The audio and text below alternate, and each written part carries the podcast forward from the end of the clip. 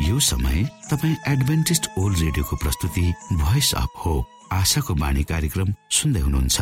कार्यक्रम प्रस्तुता म रवि यो समय तपाईँको साथमा छु। आशाको बाणी कार्यक्रममा हामी यहाँलाई न्यानो अभिवादन टक्राउन चाहन्छौ। तपाईँको व्यक्तिगत जीवनले परमेश्वरको सत्यता र उहाँको प्रेम अनि मार्गदर्शनका विषयमा चाहिने महत्वपूर्ण कुराहरूलाई प्रष्टसँग बुझ्न सकुन् भन्ने उद्देश्य सहित प्रस्तुत कार्यक्रम आशाको बाणी तपाईँको आफ्नै कार्यक्रम हो। दैनिक यसलाई सुन्नुहोस्। आफ्ना मनमा यदि शङ्का दुविधाहरू छन् र तपाईँ हामीलाई प्रश्न गर्न चाहनुहुन्छ भने हामीसँग तपाईँ सजिलै सम्पर्क गर्न सक्नुहुन्छ। हाम्रो ठेगाना हामी हाम्रो कार्यक्रमको अन्तमा बताउने गर्दछौ। हाम्रो कार्यक्रममा सक्रिय रूपमा सहभागी भएर हाम्रो उत्साहलाई बढाउने समस्त श्रोतामा आज पनि तपाईँलाई चाहिने प्रकारको कार्यक्रम लिएर हामी उपस्थित भएका छौँ। श्रोताको चाहना र श्रोताको व्यक्तिगत जीवनका भलाइका कुराहरूलाई समेटेर प्रस्तुत गरिने यो कार्यक्रम आशाको बाणी तपाईँ सुन्दै आउनु भएको छ र आज पनि हामी त्यही क्रममा छौँ। सुरुमा सुनौ यो मधुर क्रिस्टीय भजन।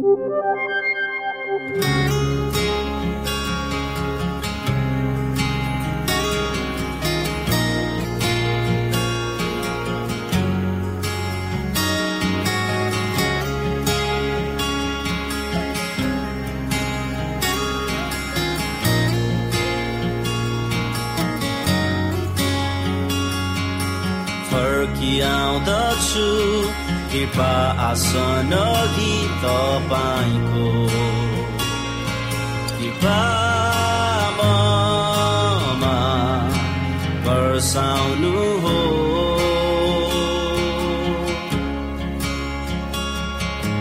पापको कारणले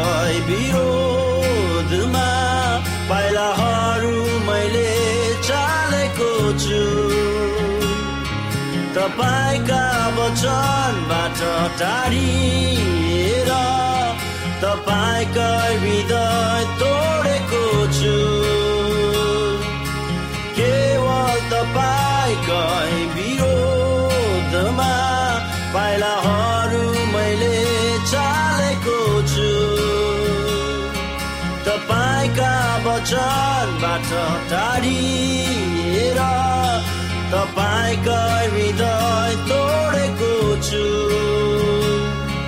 दयाका धनी यीशु तपाईँ हुनुहुन्छ। माथि दया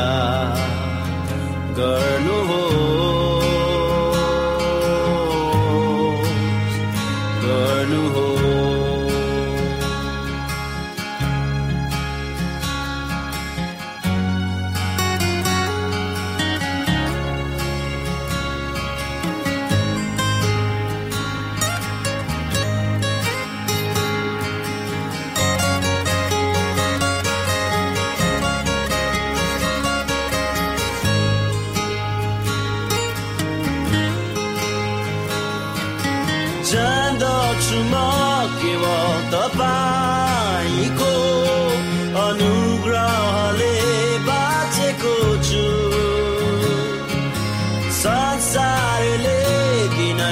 सक्ने प्रेम यीशु तपाईँमा पाएको छु। जान्दछु म केवल तपाईँको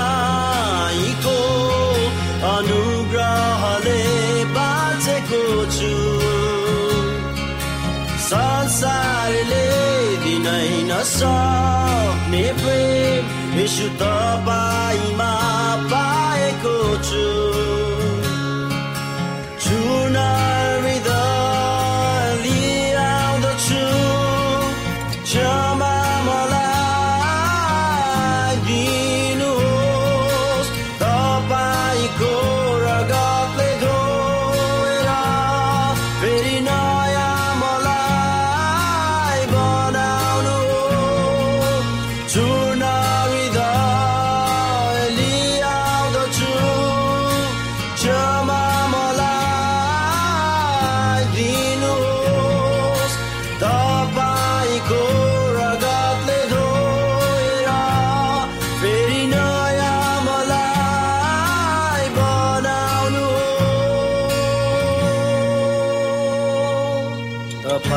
स्वरूपमा निर्माण भई सदाला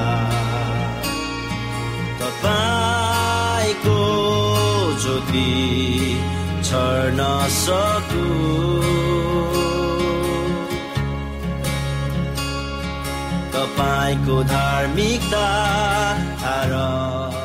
यो समय तपाईँ एडभेन्टिस्ट ओल्ड रेडियोको प्रस्तुति भोइस अफ होप आशाको बाणी कार्यक्रम सुन्दै हुनुहुन्छ। श्रोता मित्र यो समय हामी पास्टर उमेश पोखरेलबाट आजको बाइबल सन्देश सुन्नेछौ। श्रोता साथी न्यानो क्रिस्टी अभिवादन। म तपाईँहरूको आफ्नै आफन्त अर्थात् पास्टर उमेश पोखरेल परमेश्वरको वचन लिएर यो समय तपाईँहरूको बीचमा यो रेडियो कार्यक्रम मार्फत उपस्थित भएको छु। आउनुहोस् तपाईँ हामी केही समय सँगसँगै परमेश्वरसँग समय बिताउँ। र परमेश्वरको आशिषहरू प्राप्त गरौँ। आजको प्रस्तुतिलाई पस गर्नुभन्दा पहिले आउनुहोस् म परमेश्वरमा अगुवाईको लागि बिन्ती राख्नेछु। जीवी जिउँदो महान दयालु परमेश्वर प्रभु यीशु हामी धन्यवादी छौँ। यो जीवन र जीवनमा दिनुभएको प्रशस्त आशिषहरूको लागि। प्रभु यो रेडियो कार्यक्रमलाई म तपाईँको हातमा राख्दछु। यसलाई तपाईँको राज्य महिमाको प्रचारको खातिर यो देश र सारा संसारमा तपाईँले पुर्याउनुहोस्। यसबाट धेरै आत्माहरूले तपाईँको राज्यमा प्रवेश गर्ने मौका पाऊ। त्यसबाट तपाईँको महिमा होस्। सबै बिन्ती प्रभु यीशुको नाममा। आमेन। श्रोता साथी आमाको कामको तुलना अरू कामसँग गर्न सकिन्न। सबभन्दा ठुलो त्याग आमाले आफ्नै हात पक्रेर आफ्ना नानीहरूको भविष्यलाई सुनिश्चित गर्छिन्।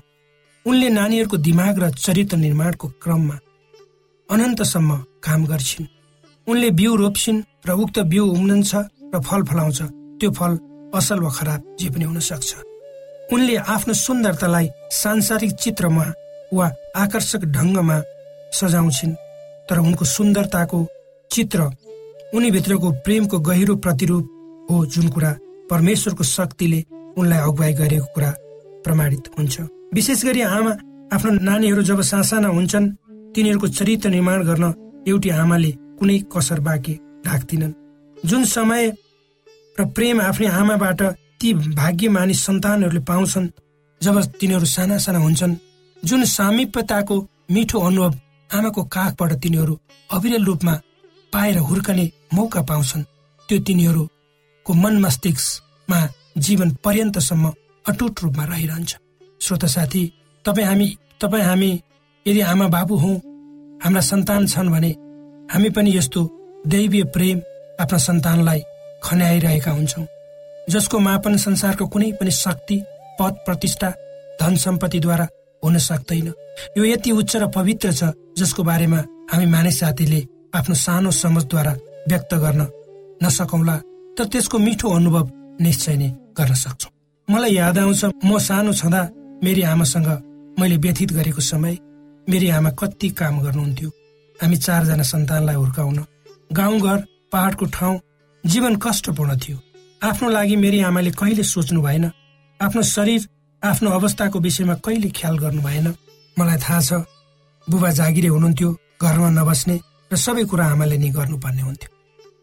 कयौँ रात मेरी आमा सुत्नु भएन कयौँ दिन उहाँले आफ्नो पेट खाली राख्नुभयो होला। कयौँ दिन रोएर बिताउनु भयो होला तर हामीलाई त्यसको आवाज हुन कहिले दिनु भएन। जहिले पनि उहाँ हामी चारजनाको निम्ति आफूलाई दिन तयार हुनुहुन्थ्यो त्यो उहाँको प्रेम यति पवित्र र गहिरो थियो त्यसको अनुभूति अहिले मलाई हुन्छ। जब म मेरा दुईजना नानीहरूलाई आफूसँग भएको कुरा बाँड्न चाहन्छु उनीहरूको सुख दुःखमा सहभागी हुन चाहन्छु उनीहरूसँग समय बिताउन चाहन्छु यदि मेरा नानीहरू बिरामी परे भने रातभरि म र मेरो श्रीमती उनीहरूको छेउमा बसी प्रार्थना गर्छु।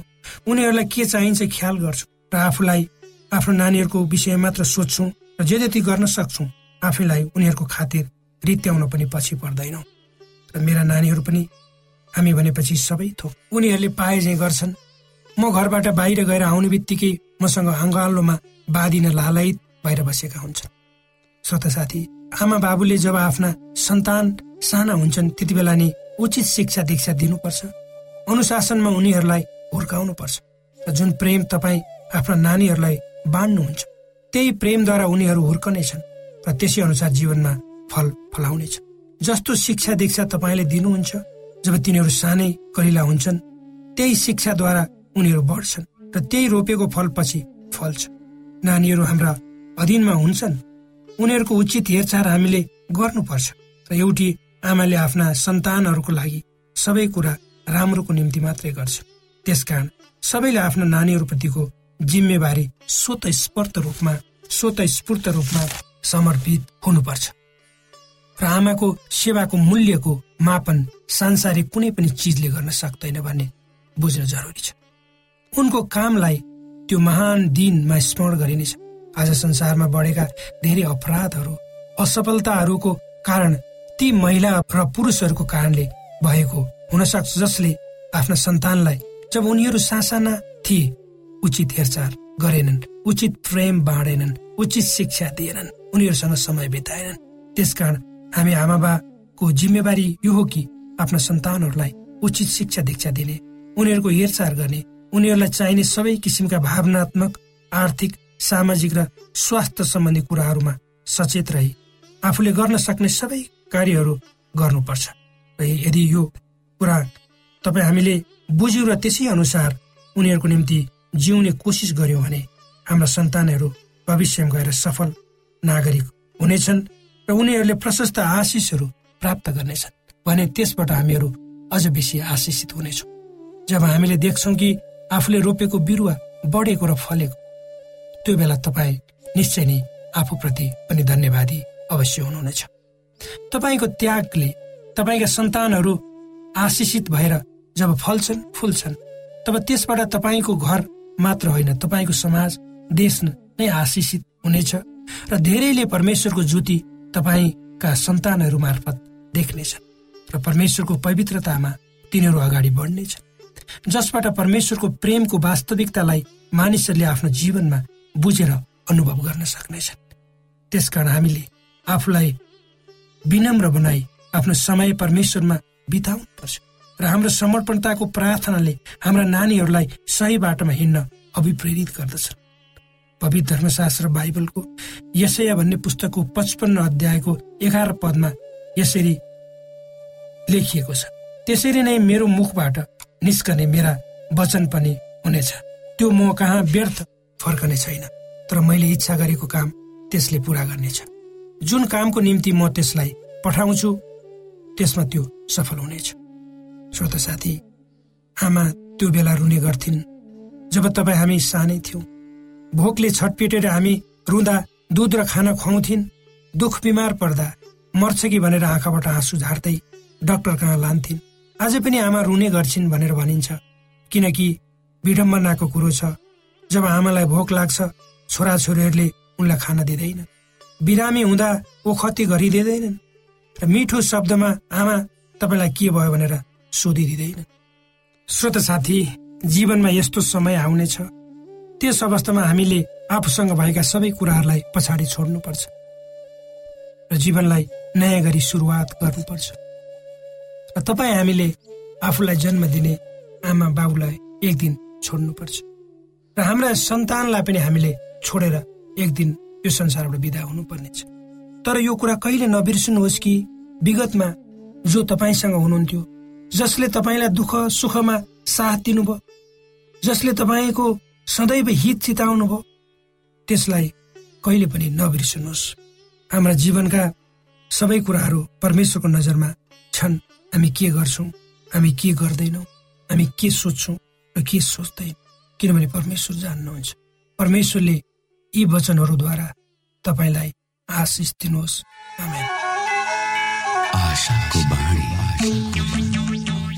श्रोता भर्खरै यहाँले पास्टर उमेश पोखरेलबाट बाइबल वचन सुन्नुभयो। यो समय तपाईँ एडभेन्टिस्ट ओल्ड रेडियोको प्रस्तुति भोइस अफ होप आशाको बाणी कार्यक्रम सुन्दै हुनुहुन्छ। कार्यक्रम सुनेर बस्नुहुने सबै श्रोतालाई हामी हाम्रो कार्यक्रममा स्वागत गर्न चाहन्छौ। श्रोता मित्र यदि तपाईँ जीवनदेखि हरेस खानु भएको छ तपाईँका जीवनमा धेरै अनुत्तरित प्रश्नहरू छन् भने आउनुहोस् हामी तपाईँलाई परमेश्वरको ज्योतिमा डोहोऱ्याउन चाहन्छौँ। र तपाईँ आफ्नो जीवनका चिन्ता फिक्रीबाट निश्चिन्त हुनुहोस् र बाँच्नुको आनन्द परमेश्वरको सामिप्यमा कति मिठो हुन्छ त्यो चाख्नुहोस् भनी हामी चाहन्छौँ। श्रोता यदि तपाईँ आशाको बाणी कार्यक्रमलाई अनलाइन सुन्न चाहनुहुन्छ वा डाउनलोड गर्न चाहनुहुन्छ भने डब्लु डट डट ओआरजीमा जानुहोस्। त्यहाँ तपाईँले प्रत्येक दिनको कार्यक्रम सुन्न र डाउनलोड गर्न सक्नुहुनेछ। हाम्रो वेब पेज यस प्रकार छ W dot A W R dot O R G श्रोता यदि तपाईँ हामीसित सिधै फोनमा सम्पर्क गर्न चाहनुहुन्छ भने हाम्रा नम्बरहरू यस प्रकार छन्।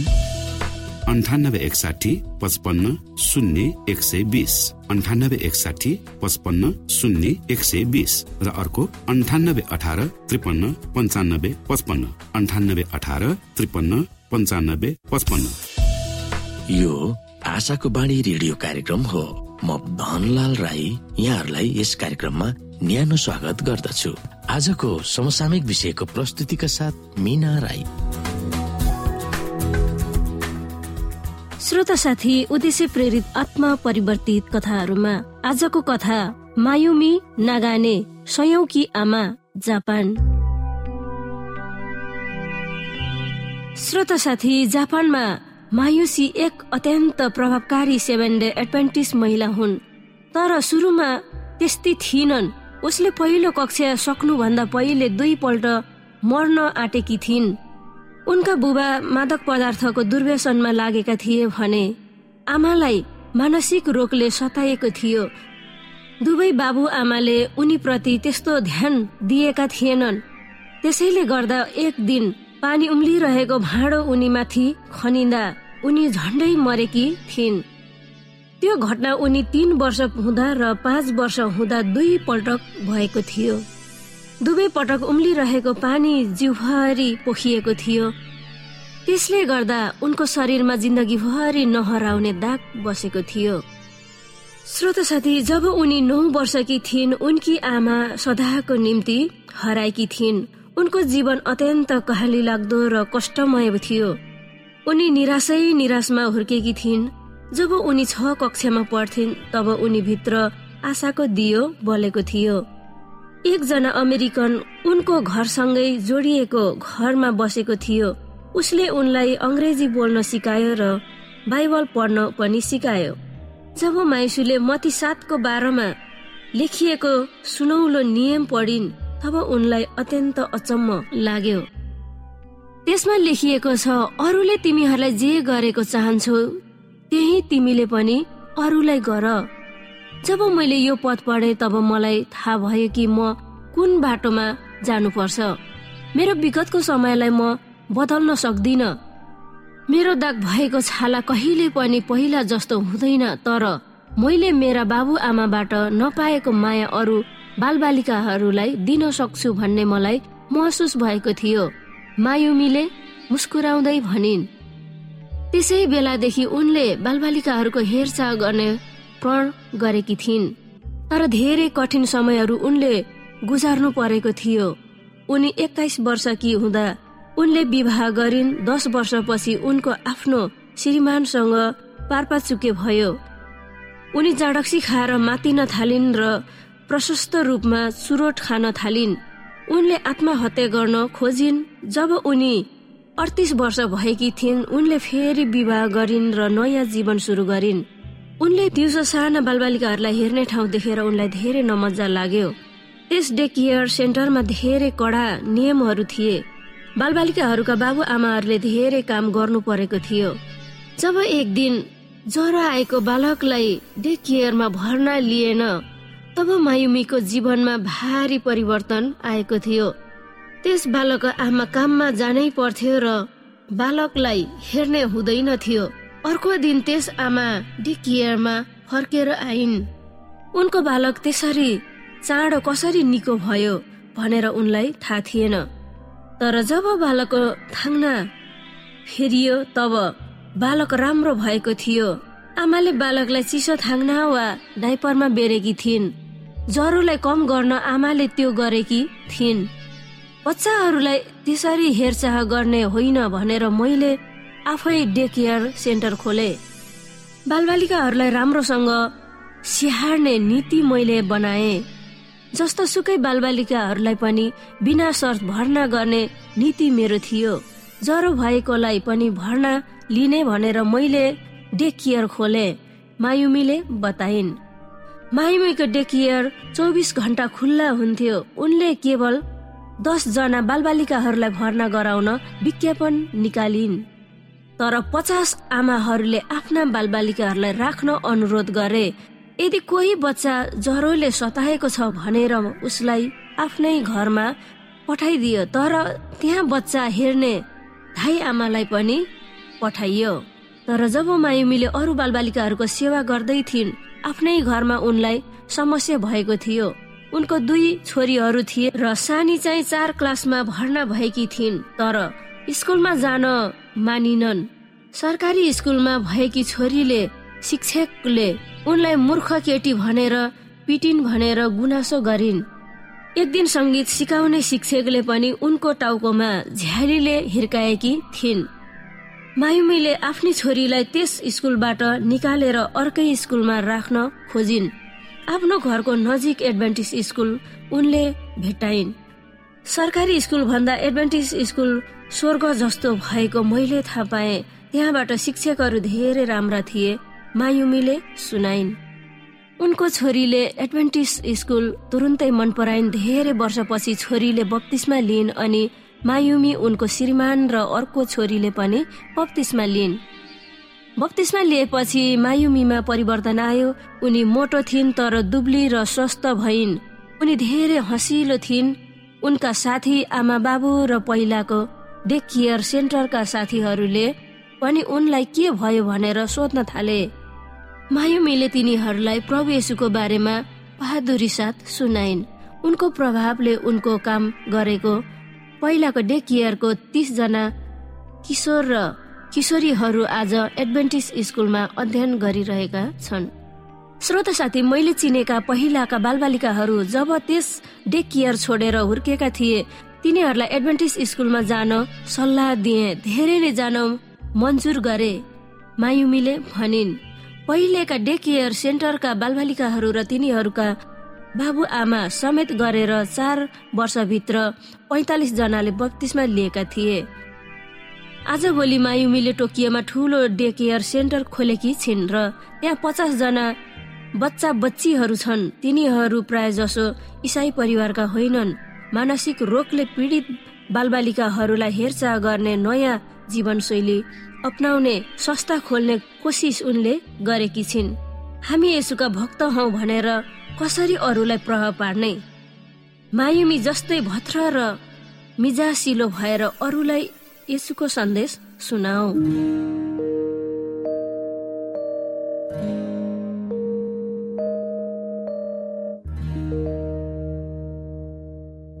आदरणीय मित्र बाइबलले बताएको छ परमेश्वरले तिर्खाकाहरूलाई तृप्त पार्नुहुन्छ र भोकालाई उत्तम पदार्थले सन्तुष्ट पार्नुहुन्छ।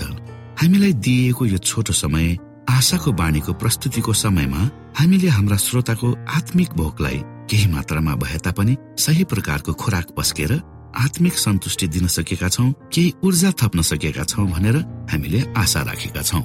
आफ्ना मनमा भएका केही दुविधा र शङ्काहरू छन् भने अवश्य हामीसँग बाँडेर शङ्काको निवारण गर्नुहुनेछ र सही प्रकारको बाटो पहिल्याउन सक्नुहुनेछ परमेश्वरको सच्चाइले अझ राम्रो बुझ्न सक्नुहुनेछ र आफ्नो जीवनलाई परमेश्वरमा पूर्ण समर्पित भएर समर्पण सहितको जीवन बिताउन सक्नुहुनेछ भनेर आशा राख्दै अब हामी हाम्रो कार्यक्रम सकिएको जानकारी यहाँलाई गराउन चाहन्छौ। जानुभन्दा अगाडि श्रोता हामी यहाँलाई हाम्रो ठेगानाको विषयमा जानकारी गरौं। हामीसँग पत्राचार गर्ने हाम्रो ठेगाना यस प्रकार छ। आशाको बाणी पोस्ट बक्स नम्बर दुई शून्य शून्य शून्य दुई काठमाडौँ नेपाल। आशाको बाणी पोस्ट बक्स नम्बर दुई शून्य शून्य शून्य दुई काठमाडौँ नेपाल। यसै गरी श्रोता यदि तपाईँ हामीसँग सिधै कुराकानी गर्न चाहनुहुन्छ भने हाम्रो फोन नम्बर यस प्रकार छ। अन्ठानब्बे एकसाठी पचपन्न शून्य एक सय बिस। अन्ठानब्बे एकसाठी पचपन्न शून्य एक सय बिस र अर्को अन्ठानब्बे अठार त्रिपन्न पन्चानब्बे पचपन्न। अन्ठानब्बे अठार त्रिपन्न पन्चानब्बे पचपन्न। हामीलाई इमेल पनि गर्न सक्नुहुन्छ।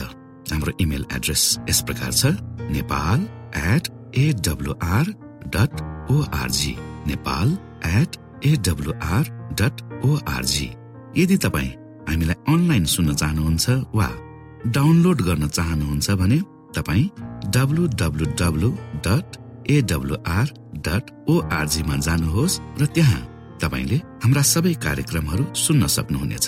हाम्रो वेब पेज यस प्रकार छ W W W dot A W R dot O R G श्रोता यसमा गएर तपाईँले हाम्रा दैनिक कार्यक्रमलाई सुन्न सक्नुहुनेछ र डाउनलोड पनि गर्न सक्नुहुनेछ। हवस् श्रोता हाम्रो कार्यक्रम सुनिदिनु भएकोमा एकचोटि फेरि यहाँलाई धन्यवाद दिँदै भोलि फेरि यही स्टेशन यही समयमा यहाँसँग भेट्ने आशा राख्दै प्राविधिक साथी राजेश पास्टर उमेश पोखरेल र कार्यक्रम प्रस्तुता म रवि यहाँसँग विदा माग्दछौ। परमेश्वरले तपाईँलाई धेरै धेरै आशिष दिनु भएको होस्। नमस्कार।